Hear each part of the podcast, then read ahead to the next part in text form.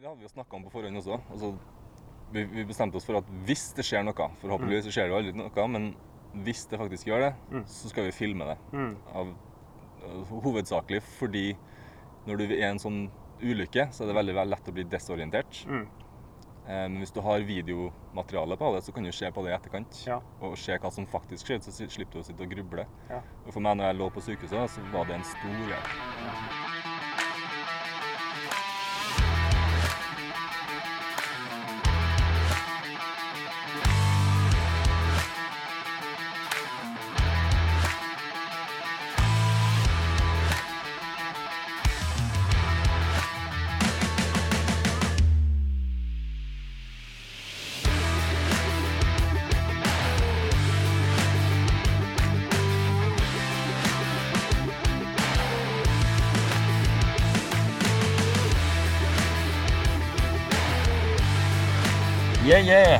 det, dere, så ønsker jeg nok en gang velkommen til Rall Nord podkast.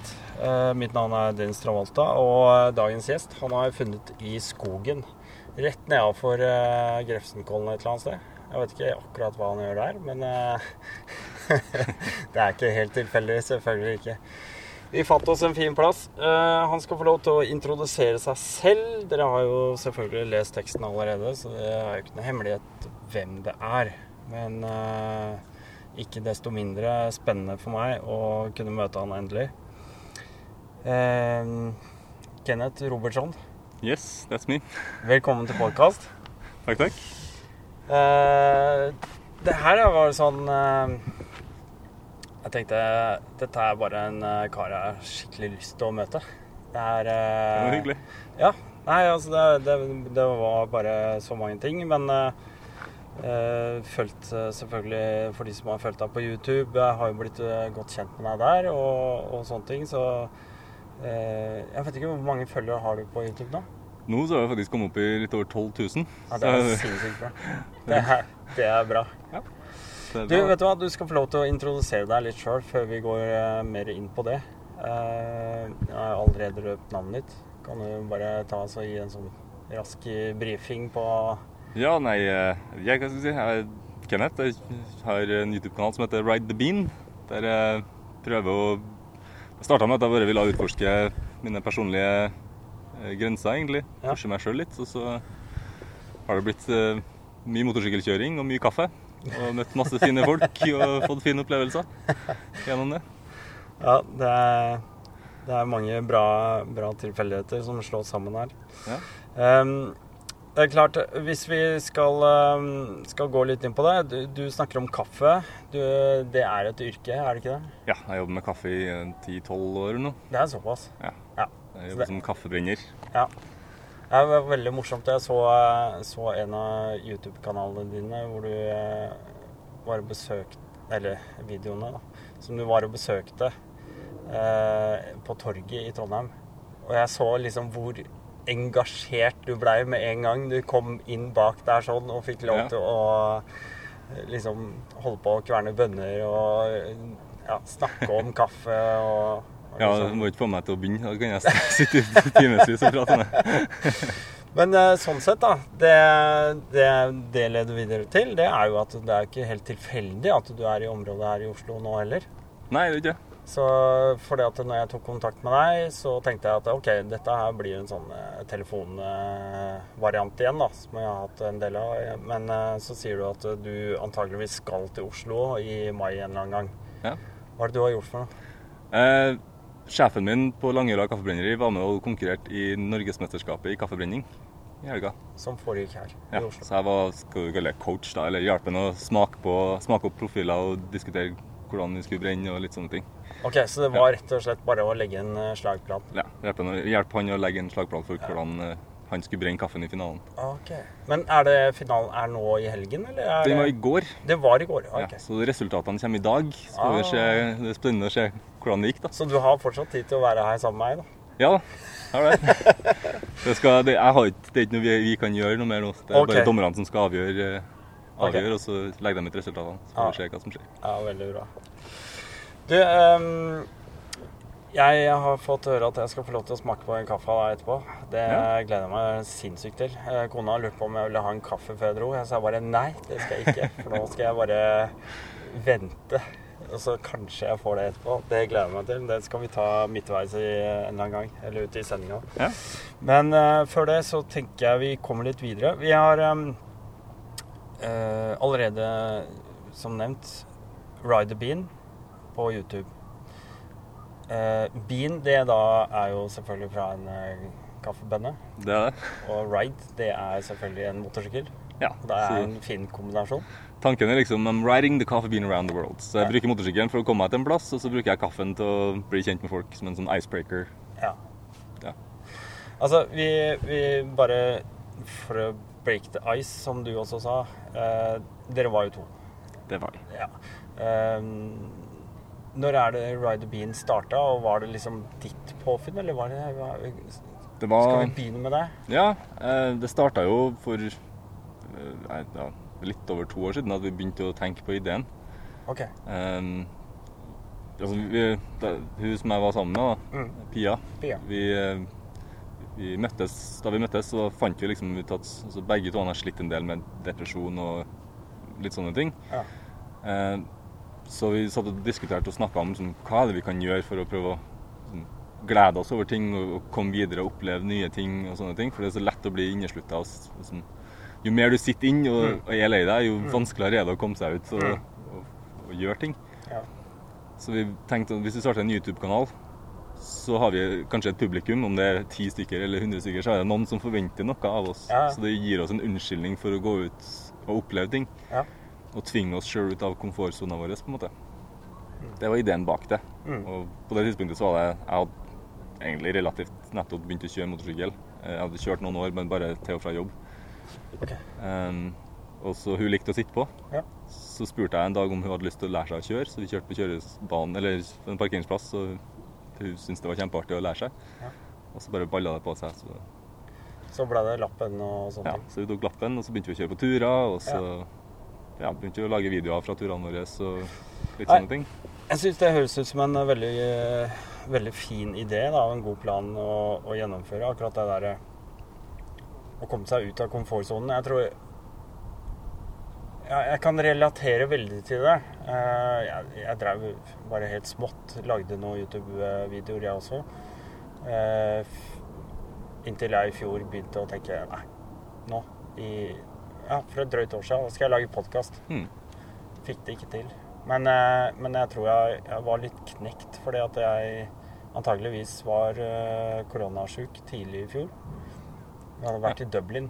Ja. Så kom hjem derfra og begynte å føle meg dårlig. Og begynte å se på, tilbake på feriebilder fra Dublin, så så jeg jo alle de eh, midteuropeerne jeg sto omkringa i alle disse her eh, turistfellene overalt. Så eh, veldig sånn slående. Altså, hele fjor ble jeg sånn bare tåkegrøt i huet for meg. Og jeg turte ikke å gå ut av den komfortsonen. Så jeg kan relatere veldig til det. Og så åpna, åpna jeg meg for det allerede nå i år, da. Ja. Så bare hoppa i det. Så, og det Det bringer deg jo inn Ja, det, er- det er dødsskummelt der og da, og det er skikkelig ukomfortabelt. Men når du faktisk klarer å krysse den grensa, så får du utrolig fine opplevelser. Ja. Du møter kjempemye fine folk som du aldri ellers ville ha møtt. Helt riktig. Og så får du kanskje mye bra tilbakemeldinger. Ja. Eh, oppmuntrende tilbakemeldinger. Folk som kanskje føler det på samme måte, eller har det på samme måte, eller kjenner seg igjen. Og, Nettopp. og det Da merker man at man kan være viktig for andre mennesker også. Mm. Det syns jeg er en veldig fin eh, greie. Det er det som har vært mest overveldende med hele greia her. Jeg begynte egentlig med det for meg sjøl, Mm. men så har jeg fått så mye fine tilbakemeldinger, og så har jeg liksom begynt å knytte bånd med folk over hele verden. Ja. Det, det har vært liksom det mest overraskende. ja, for dere kjører jo på engelsk. Ja. Det har jo liksom vært engelsk hele veien. Har det, var det et naturlig valg, eller? Ja, for tanken i utgangspunktet var sånn, da vi begynte med det her, så Ja. begynte vi å snakke om at altså, En drøm som jeg har hatt lenge, har vært å kjøre. Altså, jeg har alltid likt å reise. Ja. Jeg har reist verden rundt to ganger som backpacker. Ja. Eh, Nå hadde jeg lyst til å kjøre motorsykkel, Mm. Eh, så vi satt og diskuterte. Det har vært artig å kjøre på en motorsykkeltur og litt sånne ting. Mm. Um, og Da valgte vi liksom å kjøre til Afrika. Eller vi hadde lyst til å kjøre til Afrika. Og når vi først skal på en sånn tur, så må vi jo dokumentere det. Mm. Bare for oss sjøl. Hvis vi først filmer det, så kan vi like greit putte det på YouTube. Ja. Og da, og da foregår tung, ting naturlig nok Ja. på engelsk uansett. Nettopp. Ja. Jeg, ja. Nei, jeg, jeg også tror det Jeg har stor tro på det, at hvis man liksom ønsker Altså, en ting er å dokumentere for seg selv, men hvis man ønsker å oppnå noe på YouTube som tydeligvis er et mål Altså her Dere, har jo, dere la jo store ressurser i det. Det er logoer, det er eh, sette seg inn i miksing, ikke sant. Og- Jeg har vært held, veldig heldig, da. Altså, ja. jeg, har, jeg er veldig heldig som har veldig gode venner. Så eh, logoen vår fikk jeg hjelp fra en god venn som bor her i Oslo. Ja. Louis Everard. Han, driver, han er designer. Okay. Skikkelig flink. Ja, for den er kul, den logoen. Ja, så Han har hjulpet meg med både kaffeposene og logoen og alt. Så han var han som egentlig Vi satt og diskuterte, vi tok en øl en dag i. Trondheim. Ja. Og så bare satt jeg og snakka om tankene bak det. Det hadde vært artig å gjort det. Og, og så sånn Ja, men jeg går hjem og lager en logo, jeg. Ja. Og så sendte han meg 13 utkast til en logo. Og da var det sånn Oi! Nå er jeg jo skikkelig profesjonelt her. Nå må jeg jo gjøre det. Ja, ikke sant? Så han som liksom ga meg det skikkelig det første pushet, på en måte. Endelige billetten. Ja, Hvis jeg har en logo, så må jeg jo starte disse greiene her. Ja, ja, klart det. Men da var det kanskje greit eh, Da har du da veit du hvor, hvor du skal henvende deg. Du skal ha kanskje noe merchandise og noen T-skjorter. det er han som har designet liksom, alt. Alt er liksom ja. Nei, men det er deilig. Ja, jeg, sånne ting, det, det trekker jo veldig da, Mm. på YouTube, akkurat det. Ja. det. Eh, lage sånne garasjevideoer som jeg har drevet med. Det er helt eh, plain, simple, kjedelige greier. Få en kul logo, du òg. Den har jeg også ordna sjøl etter hvert. Ja, men, nei da. Men, eh, men eh, Nei, veldig kult. Um, og så har jo Dere, dere utvikla jo dette konseptet etter hvert. Uh, mye bra tilbakemeldinger, ting Hvordan uh, hvordan vil du si at det bygde seg opp uh, underveis og, og fram til en plan? Dere, dere fikk jo en plan etter hvert som Ja, altså- skulle gjennomføres. Ja, vi stemte oss jo liksom og diskuterte frem og tilbake hva vi skulle gjøre, og så bestemte vi oss en dag for ja, vi går for det her. Mm. Da må vi gå all in hvis vi først skal gjøre det. Mm. Så vi begynte å legge planen om hvordan vi skulle gjøre det, hvordan vi skulle tjene penger på det. Så da, da, da vi på en måte begynte å ta YouTube-kanalen litt mer seriøst. fordi Mm. potensielt sett, hvis vi får nok følgere, så kan vi supporte turen sjøl uten at vi trenger å ha bygd opp eller spart opp mange hundre tusen for, Mm. for en sånn tur. Mm. Ehm, så begynte vi å tenke på liksom, se hva, hva vi må tenke på. da, Visum og ruter og alt mulig sånn. Og så gradvis så bygde det på seg. Så tok, tok turen form, på en måte, da, Mm. Ja. over, over flere måneder. Ja, men, eh, men det blei Resultatet av planlegginga, det blei jo da at dere tenkte å kjøre Nordkapp til Nordkapp Cape Town. Cape Cape, to Cape det er liksom ja, sånn fin Cape to Cape. Ja. Eh, Ja. Og det, det var liksom eh, Den blei satt til å skulle gjennomføres uh, i 2019. eh, I starten av 2020 Ja, Eller ja, 2020, 2020 var planen Ja, i utgangspunktet. Ja. Så vi, begy- vi begynte å planlegge det i 2019, og så satte vi datoen i 2020. Selvfølgelig. Men så kom jo korona, og så ble det liksom veldig usikkert og sånne ting. Men vi bestemte oss for vi kjører likevel, fordi akkurat på det tidspunktet så var det var litt usikker på hvordan ting var. Det så ikke så alvorlig ut. Nei, så, nei, så. nei. Nei. Ja. Nei, det var mange, mange planer som gikk i vasken for eh, folk i eh, 2020. Det, Ja. ja. Det kan vel egentlig bare bli minnet som et av drittårene i tiden, gjennom tiden. Det Men, kan det si. men dere begynte i hvert fall turen, da. Eh, kom dere opp til Nordkapp. Endelig. Endelig. Vi klarte liksom å komme oss til startpunktet. Da var det Yes! Men det, Ett år med planlegging, og nå er vi her. men det er litt digg det der òg, når du bare kaster loss hjemme også. Bare låser døra for siste gang og slipper nøkkelen i postkassa, holdt jeg på å si. Og, ja. Vi hadde jo liksom- solgt leilighetene våre Ja, ikke for å gjøre det her. Ja. Det er noe med den følelsen da, når du ikke har noen ting. Ja. Det er bare det du har der. Så, altså kanskje noen møbler som står på et eller annet lager et eller annet sted. Ja. Som eh, egentlig ikke betyr noen ting. Du har ikke bruk for mer enn du har plass til på motorsykkelen din. Alt annet er bare luksus, Ja, det er jo det. egentlig. Åssen var det Dere måtte jo ha noen prøveturer underveis, eller i forkant. Ja. Var det mye som ble liksom skrota? Ja, en del. Ja. Eh, Vi gjorde oss en del erfaringer. Overlasta sykkelen på første turen sånn skikkelig. Ja, ja. Eh, Så ble det jo litt mindre og litt mindre ja, bedre og bedre oppakking. ja. Hadde fortsatt med oss litt for mye da vi starta turen, men kaldt i Norge, så vi regna med at når vi kommer lenger sør, så kan vi kanskje kaste de tjukkeste jakkene. ja, ja. og sånn. Ja, og så endrer man kanskje litt utstyret underveis, så man Ja. finner ut at det her var kanskje ikke så bra likevel, eller var ikke den rette løsninga akkurat for denne type tur, eller Ja. sånne ting. Dere står i hvert fall plutselig på Nordkapp. Eh, det har jeg eh, til gode å gjøre sjøl, egentlig. Jeg har vært på vei noen ganger. Hva er å ta turen opp. jeg skal gjøre det bare for å ha gjort det. Det er ikke det med det å være der, jeg, men eh, jeg tror bare det er noen sånn der, det er en sånn milepæl som alle må gjøre. Ja. Det er den derre pilegrimsferden. Men altså, Men, det, var, det var liksom bare et perfekt startpunkt for en Ja. sånn type tur. Ja, klart det. Det setter liksom en eh, standard for hvordan eh, ting skal gjennomføres. Ja, synes det. Men dere kjører derfra.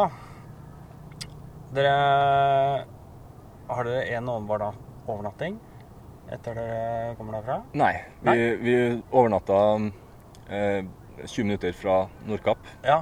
sånn nesten ute på Nordkapp-platået. Stemmer. Så vi våkna vi opp. Vi bestemte oss for at vi ville, ville komme ut på Nordkapp-platået tidlig om morgenen, Ja. før turistene begynte å komme, så vi kunne ta bilder av syklene attmed Ja, ja, ja. den globusen der.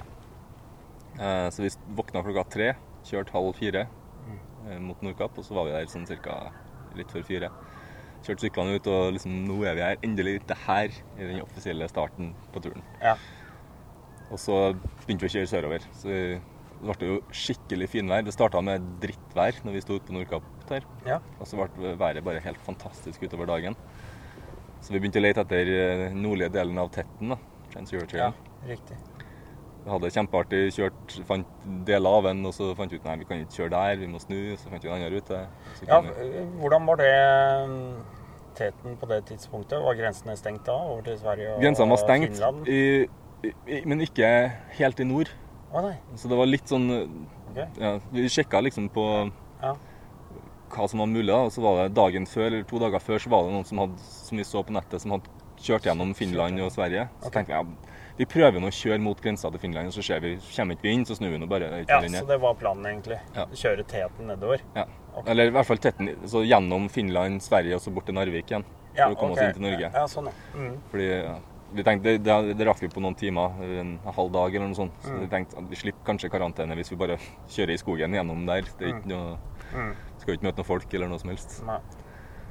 Vi tenkte å prøve og se hva som skjedde, men så Så kom vi ikke så langt. kom ikke så langt. Fordi eh, Og det her Det tror jeg eh, Altså for de som ikke har sett det, eh, anbefaler jeg på mange måter. Det er eh, sterk kost, men eh, det klarer faktisk å filme når det oppstår en veldig alvorlig ulykke.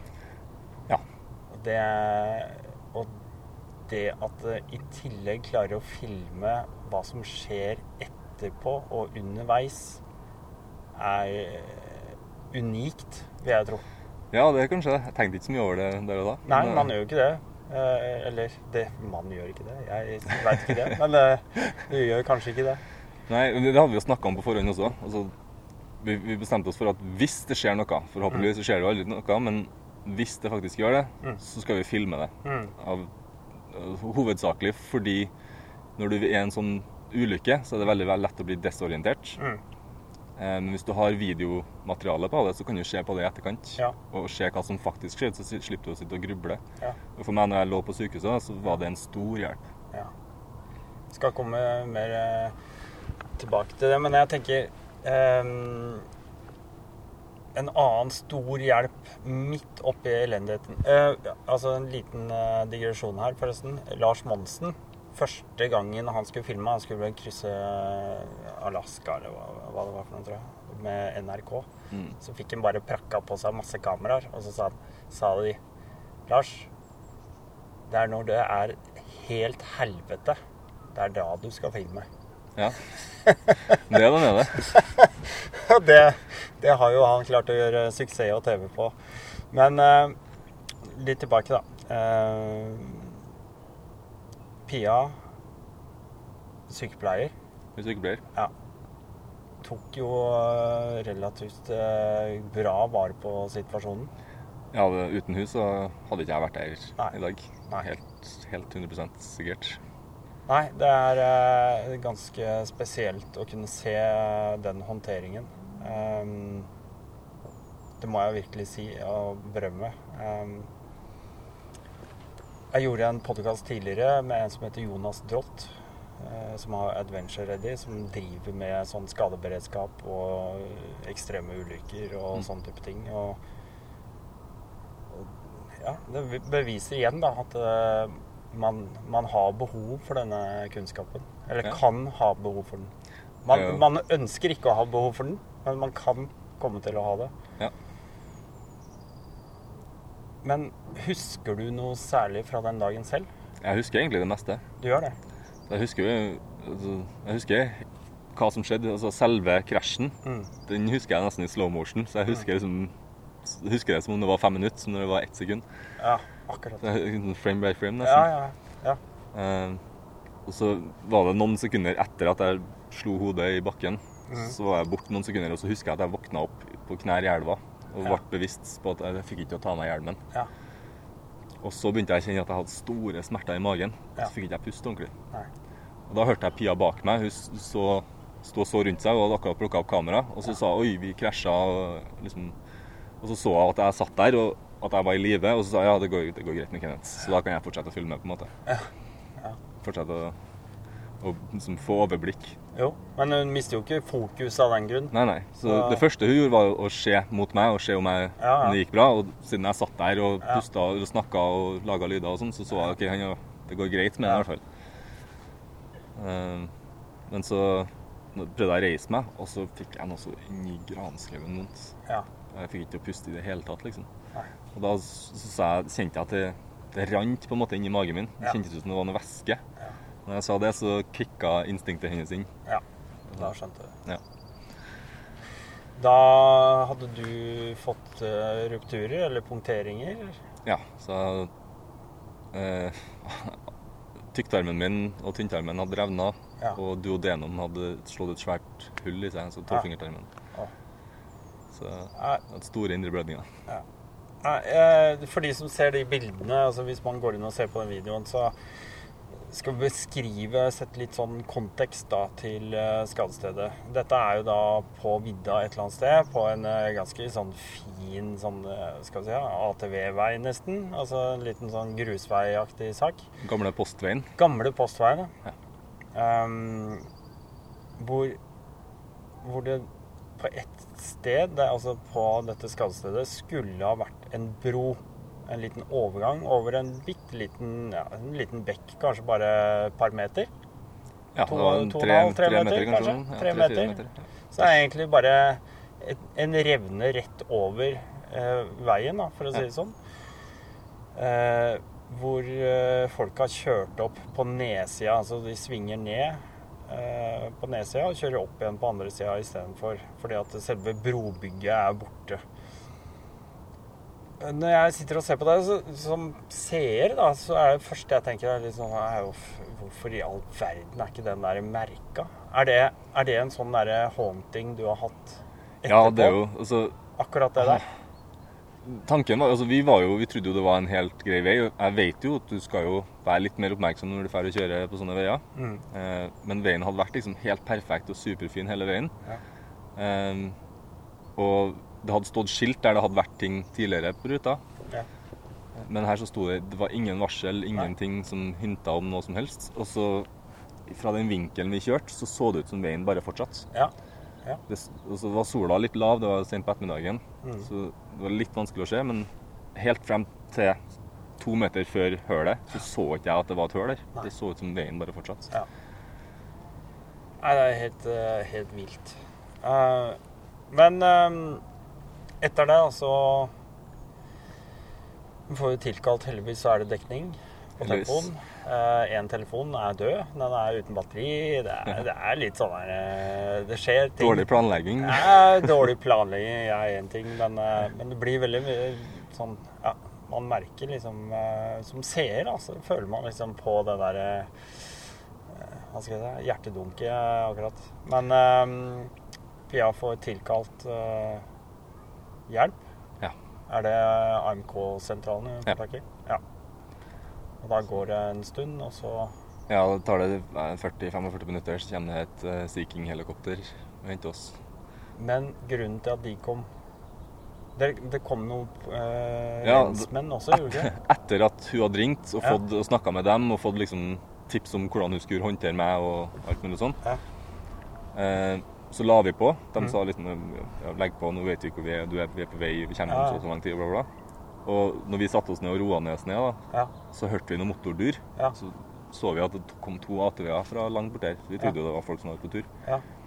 Og så var det tilfeldigvis reinsdyrpolitiet som kom. Helt random dukka opp. ja. Noe, de visste ikke at De kom jo dit, og så bare De hadde ikke fått noen beskjed om at dere Nei, var der. Det Nei. var bare tilfeldig. Så de lurte jo på hva som hadde skjedd. Den Det første de spurte oss, var jo hvorfor har dere kjørt ut i elva? Ja. Så ikke, går det bra med dere, men Nei. hvorfor har dere kjørt ut i ja, elva? ja. Akkurat som alle vet jo at det er eh, et høl her. Ja, det var liksom det. Altså, ja, vi gjorde det fordi det var morsomt. Så Ja, ja, tenkte det kunne ikke vært. Nei, ja. Nei da. Men um, dere blir nå i hvert fall uh, frakta av gårde. Ja. Uh, du er uh, ganske alvorlig skada på det tidspunktet. Og ender opp uh, på lokalsykehus i Alta, er det det? Først eh, ble jeg flyttet til Hammerfest. Hammerfest var det. Ja, der hadde Hammerfest, jeg, hadde jeg en sånn skal det, emergency-operasjon. Mm. Den første operasjonen. da. Mm. Det tok visst eh, Jeg husker ikke hvor mange timer jeg tok, men det var ganske lang tid. Men jeg slukka var helt bort, og de åpna meg. Sånn Mm. explorative, explorative laboratomy, eller hva de kaller det. for. Ja, ja. Bare for å finne ut. For å finne ut, for ja. å se De hva som er visst tatt feil. røntgen først og sett at det var Ja, ja. masse galt, men de måtte åpne meg for å se. Og Da fant de ut at det var masse avføring og blod i hele Ja. Så de måtte ta en sånn spyling, basically. Riktig, riktig. Og på det tidspunktet så mente de at jeg måtte, kom, til, å måtte ha en eh, utposing. Da, at jeg måtte ha sånn uh, colostomy bag. Ja. Altså pose på magen, for Ja. å si det godt, på godt norsk. Ja. Ja. Eh, og det var da Pia det var det Pia hadde fått beskjed om, og så laga hun Mm. en video der hun snakka om hvor redd hun var for at, hvordan jeg skulle takle det Mm. eh, når jeg våkna. Fordi det er noe som virkelig har kommet til å prege meg hvis jeg Mm. måtte, ha- måtte ha det på, på magen. Mm. Men så ble jeg, mens jeg fortsatt lå i koma, Mm. så ble jeg frakta til sykehuset i Tromsø. Og der klarte jeg å ta to nye operasjoner. Ja. De klarte å fikse problemet. Så de klarte å sy sammen hølet i Ja. duodenum, og jeg måtte amputere en tredel av tykktarmen. Ja. Eh, De klarte å sy det sammen, da, sånn at jeg slapp å ha en sånn pose. ja. Det, så når jeg våkna, så, så, våkna fra koma, så, så var jeg på en måte sydd sammen. og var... Mm. Men eh, ja, du var jo ganske alvorlig. Var det bare, bare mageregionen du hadde skader, eller? Ja, altså, jeg, jeg hadde en sånn mild, mild hjernerystelse. Ja, Men det okay. var ikke noe sånn Det var ikke noe eh, spesielt. Ja.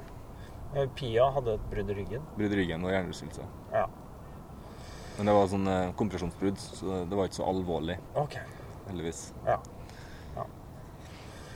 Nei, du hadde en lang rekvoalens, er det vel det heter. Du lå ganske mange uker på sykehus. Ja, Seks og en halv uke. Seks og en halv uke. Eh, I den serien som vi ser der, som dere hadde rundt akkurat det her hendelsesforløpet fra rett før dere drar og gjennom, er jo med og ser alt som foregår på sykehus og forklarer hva som har skjedd og sånne ting. Eh, og til slutt så er du på hytta, på cabin. Ja.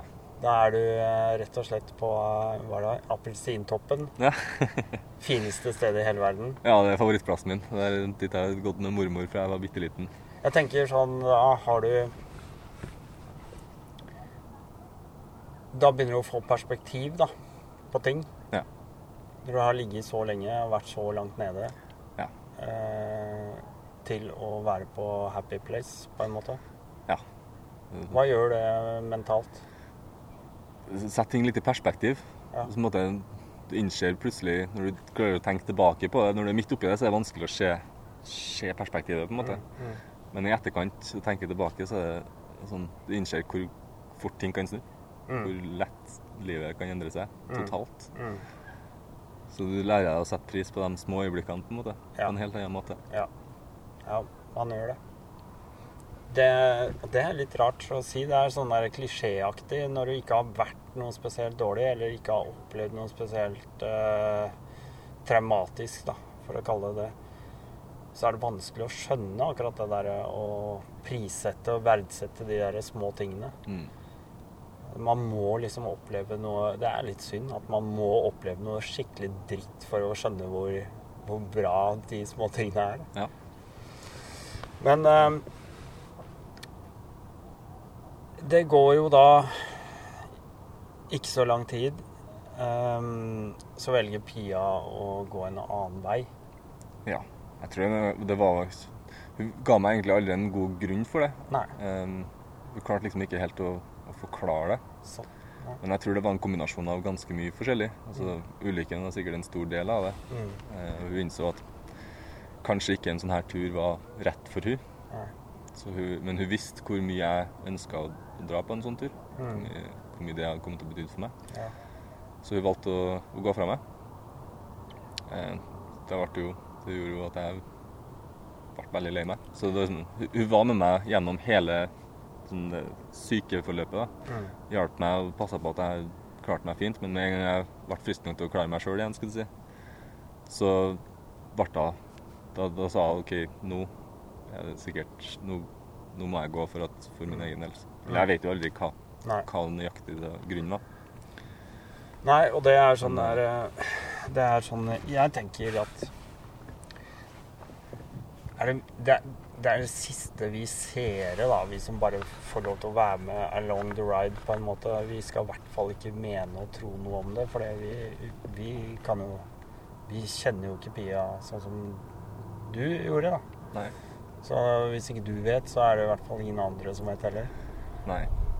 Men eh, Men eh, du fortsetter. Du tenker liksom at nei, jeg skal stable det her på beina og eh, reise meg.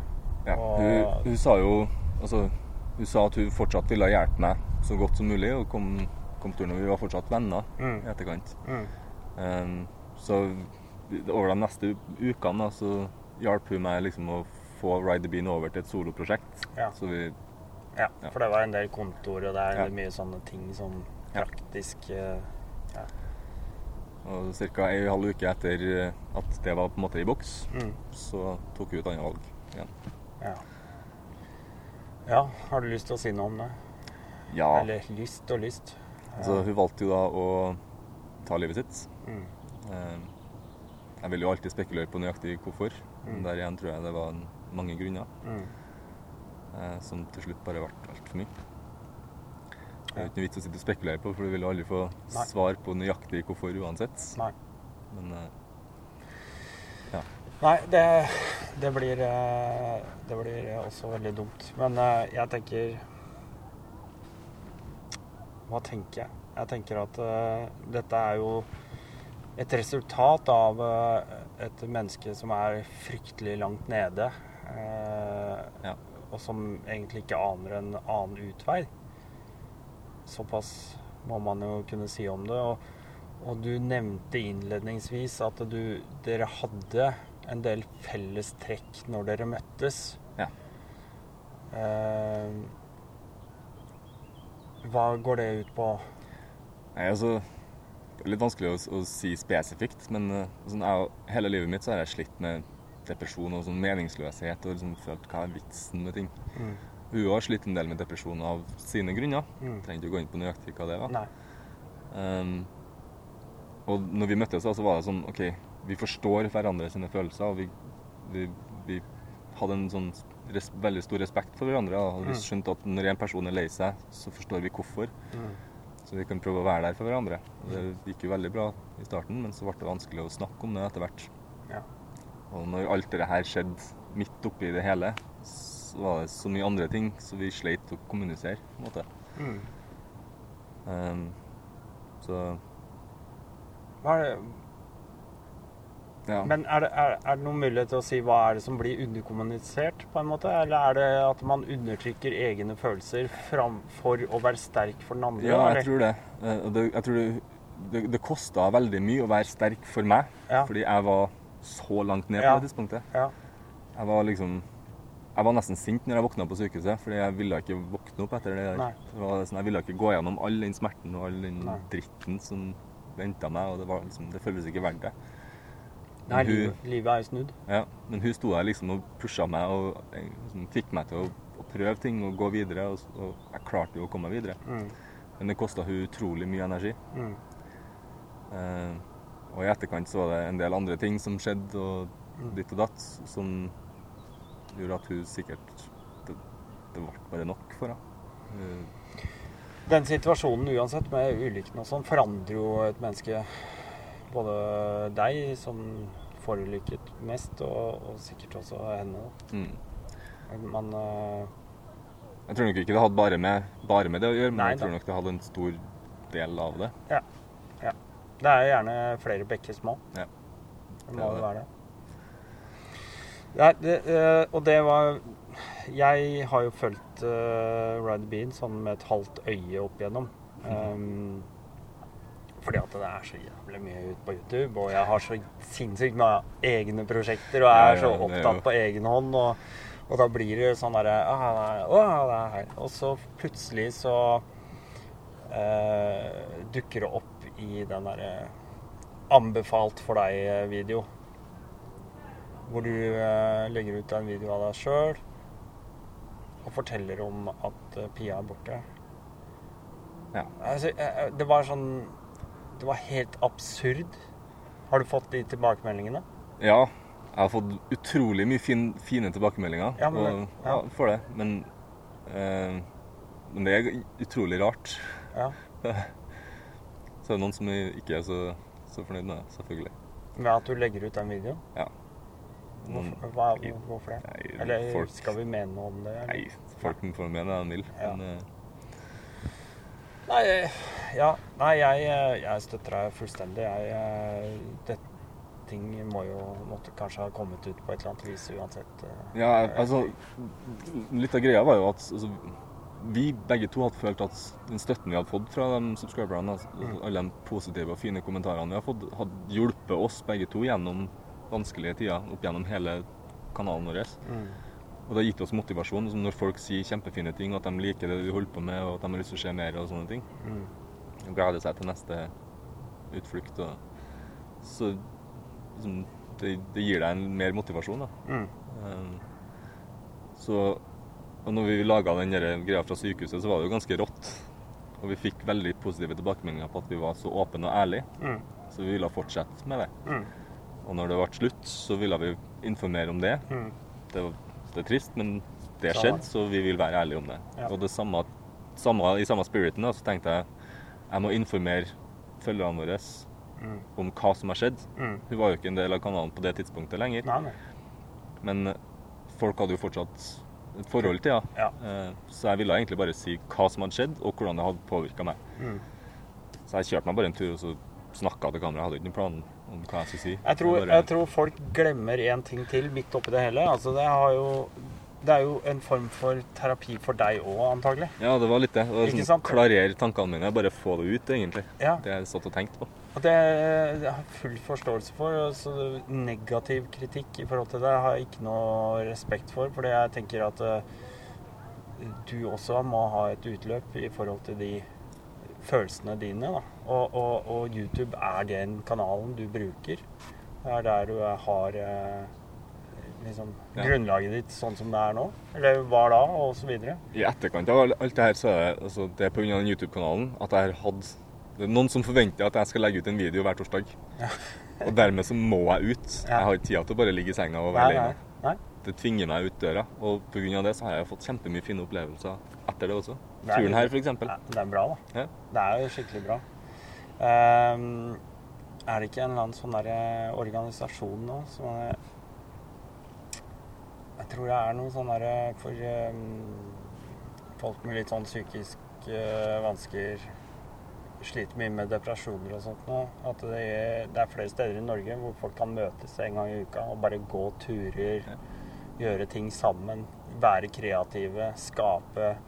Eh, sitte igjen med opplevelser, kjenne vær og vind. Mm. Altså Bare den følelsen av å få kaldt regn piskende i trynet, Ja. det gir deg en opplevelse av at du lever. Er enig i det. Eh, og- Det er derfor jeg liker å kjøre motorsykkel òg. Du Ja, kjenner liksom været, du kjenner vinden, du kjenner lukta i skogen. Sånn. elementene rundt. Ja. Ja, det er, eh, det er ganske eh, digg. Jeg, eh, en gang i året, jeg kan bare en liten digresjon på det, en gang i året så pleier jeg å ta sykkelen, men da venter jeg litt sånn ut på høsten når det begynner å bli mørkt. Kommer jeg hjem seint, eller kommer hjem på en fredag etter jobb, går jeg og legger meg rett i seng. Står jeg opp sånn i ni-ti-tida, setter meg på sykkelen, og så kjører jeg motorsykkel på beksvarte veier hele natta. Og det det gjør med meg, det er en ren meditasjon. Fordi hvis du kommer deg ut på en helt bekmørkt vei, så er det eneste lyset du har, det er fra lykta di foran. Mm. Det er det eneste du har å forholde deg til i forhold til å kunne holde veien. Samtidig så sitter du da på den sykkelen som du antageligvis forhåpentligvis er jævlig glad i, og blir bedre kjent med den. Du blir mer i ett med den. Du forstår alle bevegelsene, du kjenner alle rykningene, alle vibrasjonene. Og du fjerner fokuset på alt som er rundt deg. Ja. Alt det som er ut på sidene, om det er åker eller skog eller steinur eller hva det er for noe, du ser det ikke. Og det er bare å ha ett lite sted å ha fokus på. Det er en slags form for meditasjon for min del, altså. Jeg kjenner igjen den. Det å sitte på sykkelen er den beste formen for meditasjon jeg Ja. tenke meg. Ja. Bare fjerne de elementene rundt samtidig. Ja. Uh, første gang jeg gjorde det, var kjørte jeg gjennom Polen. Tvers gjennom Polen på natta. Oh. Første gang jeg var i Polen, har ikke sett Polen. Ja. Det er ganske artig. Nei da. Det er uh, nok om meg. Jeg um, ehm, du, du skal videre nå. Nå har vi hatt en lang periode som har vært vanskelig. Ja. Mye dritt som har skjedd. Jeg regner med at uh, du har uh, på en måte staka ut kursen. Du har tenkt du skal fortsette. Du skal eh, videre. Hvor, hvor, hvor, hvor tar du dette videre etter Vi slutter der hvor Pia slutta, da. Eh, hvordan bestemmer du deg for å gå videre? Jeg, altså, jeg prøver å se på livet og ting egentlig så objektivt som mulig. Mm. Eh, og realiteten er at vi har én sjanse. Mm. Um, vi har, vi har ett liv, vi har ikke, ikke noe mer enn det. Eh, så da Og alt i livet er egentlig et valg. All, alt du gjør, er et valg. Så jeg kunne ha valgt å sitte og være lei meg, eller jeg kan velge å fokusere på noe som gjør meg glad. Mm. Den turen her er noe som jeg har drømt om og tenkt på lenge. Jeg har brukt lang tid på å planlegge det. Så jeg kan velge å enten bare, siden det ikke ble sånn som det ble, så kan jeg velge å avslutte hele greia. Mm. Eller så kan jeg velge å endre planene og prøve å få det til å passe i den nye situasjonen min. Mm. Og den siste meldinga Pia sendte til meg, det var da jeg sa at hun håpa virkelig at jeg fikk til å dra på en sånn tur. Og litt mm, Det har sittet med meg. Mm. Pia sitt siste ønske til meg var at jeg skulle få oppleve det her. Mm. Så om turen ikke blir den samme som vi hadde planlagt, så har jeg fortsatt lyst til å fære på en tur Mm. og se hva som skjer. Så jeg bestemte meg for det. Da, da fortsetter jeg planlegginga Mm. så godt som det er mulig å planlegge i korona. Ja. Og så, så fort jeg har mulighet, så setter jeg kursen sørover og ser hva som skjer. For Mm. Få de opplevelsene som jeg får. For nå er egentlig planen eh, ingen plan, nærmest. Er nettopp det. Det er eh, rett og slett bare kaste alt på båten her og bare dra ut. Sett kursen sørover. Ja. Altså, det som jeg syns har vært så fint med den YouTube-kanalen, er at altså, jeg har fått mange hundre invitasjoner over Mm. hele verden til Ja. folk eh, som sier at eh, Kom og sov her, du har en sofa i Tyskland eller England eller Ja. hvor det nå enn er, liksom. Det er fantastisk. Eh, vi kan kjøre, kjøre en tur på sykkel sammen, ta en kaffe sammen. Ja. Så jeg har liksom jeg har flere hundre mennesker som har invitert meg til å komme og besøke dem rundt i Europa. Mm. Så det er tanken min. Jeg kjører nedover Europa, og så ser jeg hvem som er i nærheten da jeg er der. Ja. Når jeg er der. Og så kjører jeg dit, så blir det natt eller tar en kopp kaffe, og så ser jeg hva som skjer dagen etter. Rett og slett. Helt random. Det er helt fantastisk. Det er helt fantastisk. Jeg har jo solgt leiligheten min. Jeg har ingenting her i Norge som holder meg igjen. Nei. Så jeg har muligheten til å bare si ja Mm. til den mulighetene som virker interessant. Hva er eh, Men OK, det er liksom Det er på en måte den store planen. Eh, vi er fortsatt i en situasjon eh, med litt koronaer og sånne ting. Hvordan ser du dette spiller seg ut nå framover? Det er det som er så Vi vanskelig. Det går ikke an å planlegge nå. Ja, vi er i slutten av mai eh, 2021, og det er liksom ikke så mange av oss som er vaksinert enda, og grensene er fortsatt eh, under kontroll. og Ja, så det er jo det jeg går og venter på nå. Så Mm. akkurat nå så er jeg på tur. Jeg har vært på Vestlandet i uka her. Mm. Eh, Kjørt sammen med to venner. mm. Um, og det er det jeg tenker å gjøre fremover og nå, egentlig. Bare Ja. fære og kjøre rundt i Norge og vente på at jeg kan få vaksiner. Ja. Og så, så fort jeg har den, og at grensene åpner, så setter jeg kursen sørover. Mm. Så egentlig Jeg er klar til å fære. Jeg må bare vente på at jeg får lov. Bare kjøre rundt langs grensa og se om det er åpning et eller annet sted. Ja, det er sikkert en grusvei som går over i Sverige, så jeg kan kjøre den eh, TST-en, Trans-Sweden Trailen. Ja, ja, ja. ja. Den, eh, den er sikkert bra, altså. Nei, jeg um Jeg må si det at jeg er veldig misunnelig, og det er det sikkert veldig mange andre som er også. Eh, og det er jo akkurat det som er så gøy, da, at du kan dele dette her, og vil dele det. Fordi at eh, alle oss som er sånne wannabes, vi kan bare sitte her hjemme og drømme oss bort eh, helt til eh, et eller annet skjer i bakgrunnen. Så må vi bare rive oss løs og komme oss tilbake til vir vår virkelighet. Men, ja. men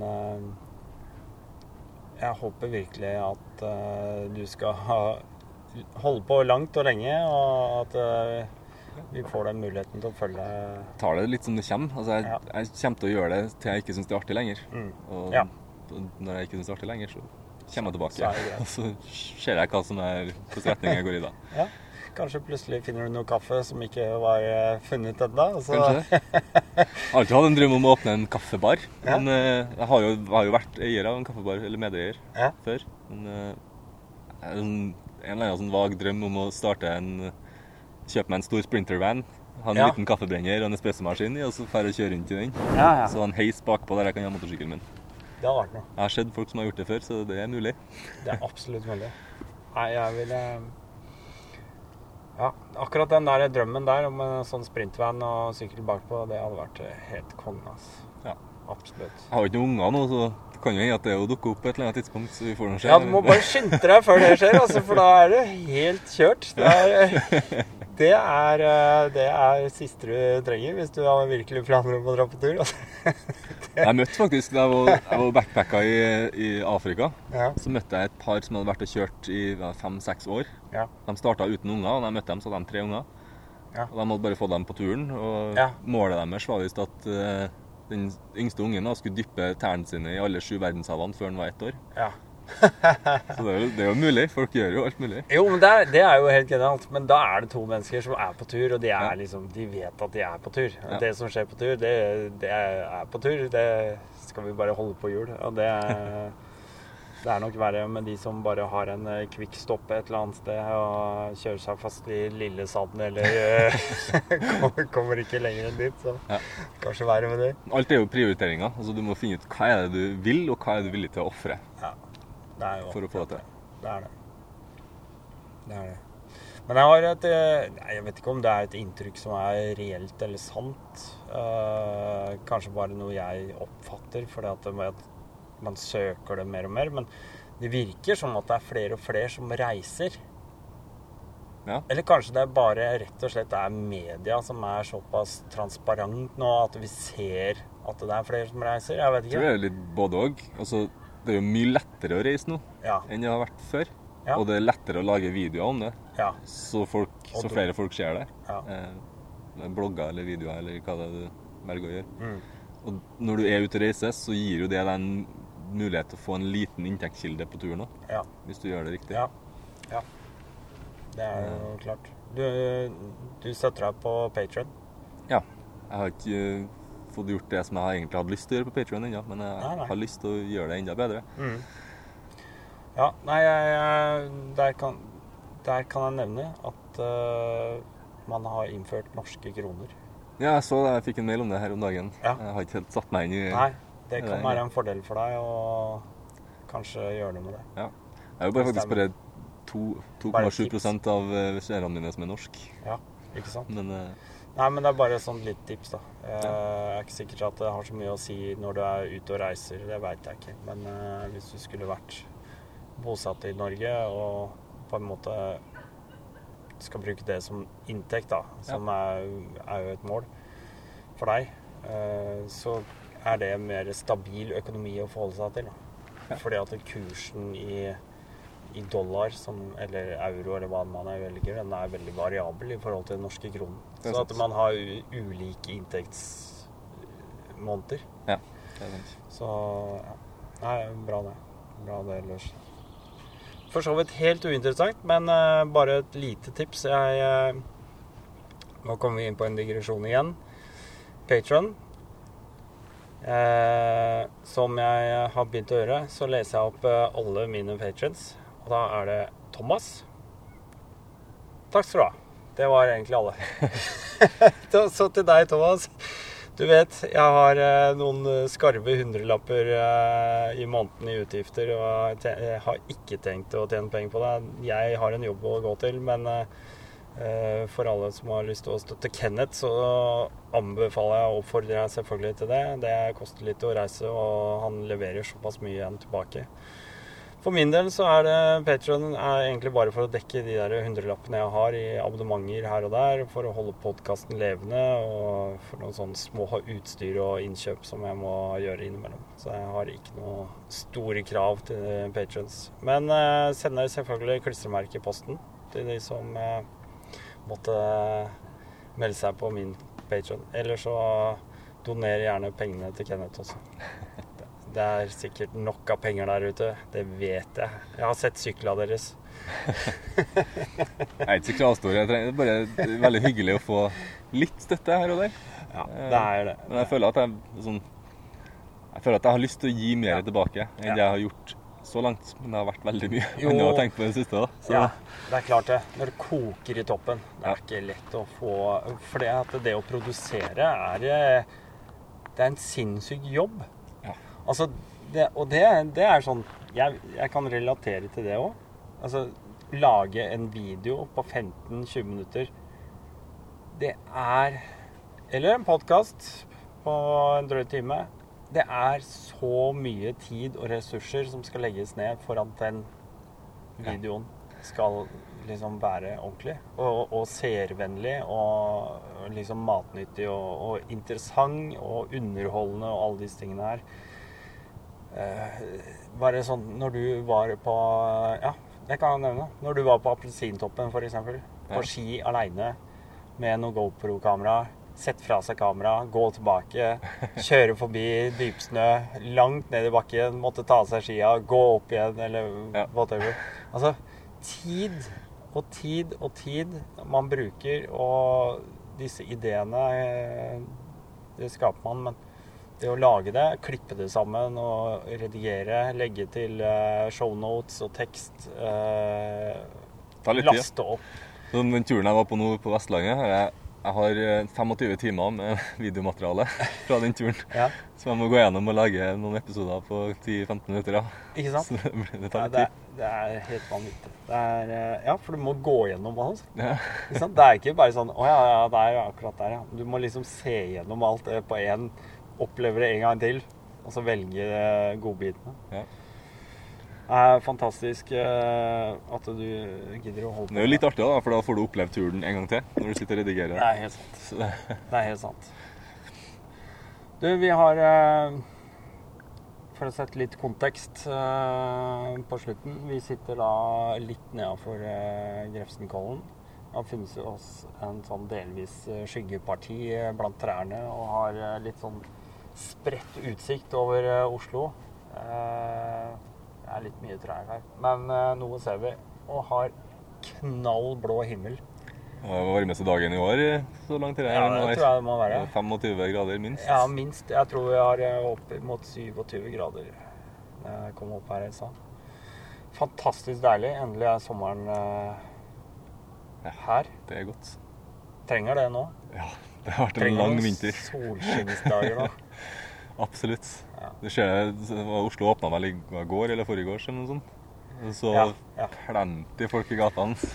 Jeg måtte bare hjem fra jobb på fredag. Slutta seint på fredag. Kjørte gjennom Oslo bygryta bare for jeg, jeg liker å ta den veien noen ganger. Bare for å liksom se mennesker. Ikke fordi at jeg trenger å være blant dem, men bare for å se det. Og det bare myldra av folk, og jeg tenker oi, oi, oi. Åpning av skjenking og varmt i været og sånne ting. Jeg, ja. jeg håper virkelig folk eh, tenker litt òg. At vi ikke blusser på med korona igjen. Spørs nå hva som skjer nå om en uke eller to. Ja, vi vil nok se resultater etter hvert. Sånn er det. Du, eh, har vi noe eh, siste ord? kaffe. Takk skal du ha. Åh, det er jeg så hypp på nå. Må bare finne fram. Jeg har til og med klart å ta med meg en kopp for anledningen. Ja. Hva, har du lyst til å si noe om den kaffen, eller? Det her er da en eh, kaffe som jeg kaller for Nutty Bean. Ok. Den er eh, en eh, sånn nøtteaktig, fin kaffe. Mm. Passer veldig godt til å lage på bålet eller Hadde en sånn sånn fin Frokostkaffe. nøttebrun farge også, så jeg, når du helte den ut. Det her er, så jeg har jobba som kaffebrenner i mange år nå. Ja. Um, så fant jeg ut at så, jeg har lyst til å ha min egen kaffe når jeg først holder på med sånne ting. Men det er Ja. vanskelig å brenne kaffe når jeg kjører motorsykkel. Og så er det en kompis av meg som har starta sitt eget brenneri som heter Kaffi. En Mm. tidligere kollega av meg som har vært med har konkurrert både med en og mot den i NM. blant Ja, annet. ja, ja. Eh, så når han starta opp det, så, så fant jeg ut at eh, det hadde vært kult å lage et prosjekt sammen. Ja. Så vi har på en måte utvikla denne kaffen sammen. Da. Så han brenner den for meg, eh, og vi blir på en måte enige om hvilken type kaffe som skal være, basert på Mm. sesong og sånn. da. Mm. Så den ruller hele tida. Det er nye kaffer som kommer fra måned til måned. Eller Hvordan gjør dere det i forhold til kaffen? Eh, er det liksom en sånn Er det en sånn type grossist dere henter det fra her? Bestiller dere fra brenneri eller fra varierer litt. steder, eller Eh, hovedsakelig så kjøper vi det fra, eh, fra importører. da. Så Nordic Approach her i Oslo er jo Ja. veldig bra. Så har du også CCS her i Oslo som, okay. som er ganske bra. Ja. Eh, som er sånne, de har folk på gårder rundt omkring i verden som bestemmer, for hvordan, bestemmer seg for hvordan kaffe de skal kjøpe inn. Ja. Og så sender de samples til brenneri og sånne ting, Ja. som vi brenner og smaker på. Og så sier vi denne kaffen likte vi, denne likte vi ikke, så vi vil kjøpe så og så mye av den og så og så mye av den. Og det som er bra med spesielt dem her i Norge, da, Nordic og CCS, er at de er veldig sporbare. Så vi vet Ah. de, de viser tallene sine. Hvor mye har bonden fått betalt, hvor mye går Ja. til shipping og bla, bla, bla. Ja.